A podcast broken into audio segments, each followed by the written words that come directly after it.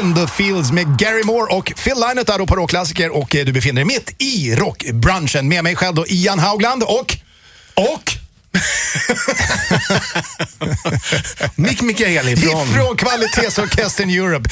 Precis här. Hörru du Mick, du är ju givetvis känd för att ha spelat det absolut eh, mest igenkänningsbara keyboard-introt och riffet under hela jävla 80-talet. Jag snackar om The Final Countdown såklart. Ja, precis. Men det var kanske inte riktigt så som din historia började va? Pick of the Week.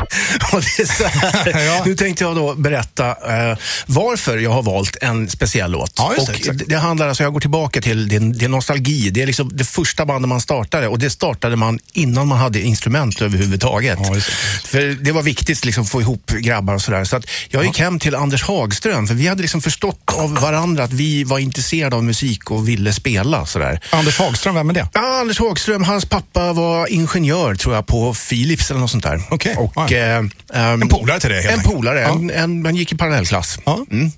Och Anders Hågström hade då hemma hos sig, då gick vi hem till honom och skulle starta det här bandet. Liksom. Och då hade han byggt en gitarr av lego och med en gummisnodd som, som, som sträng. Av Lego? Ja, och sen så hade han, han, hans pappa fixade någon slags mikrofon och en förstärkning till det där så att det lät liksom. Okej. Det lät väldigt intressant.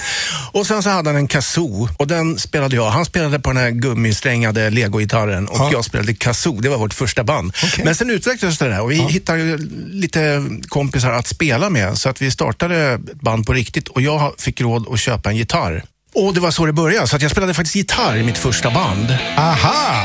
Och den första låt som vi lirade var Paranoid med Black Sabbath. Rockklassiker.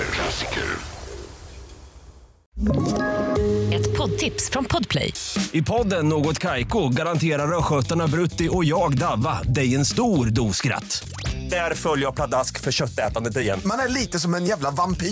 Man har fått lite blodsmak och då måste man ha mer.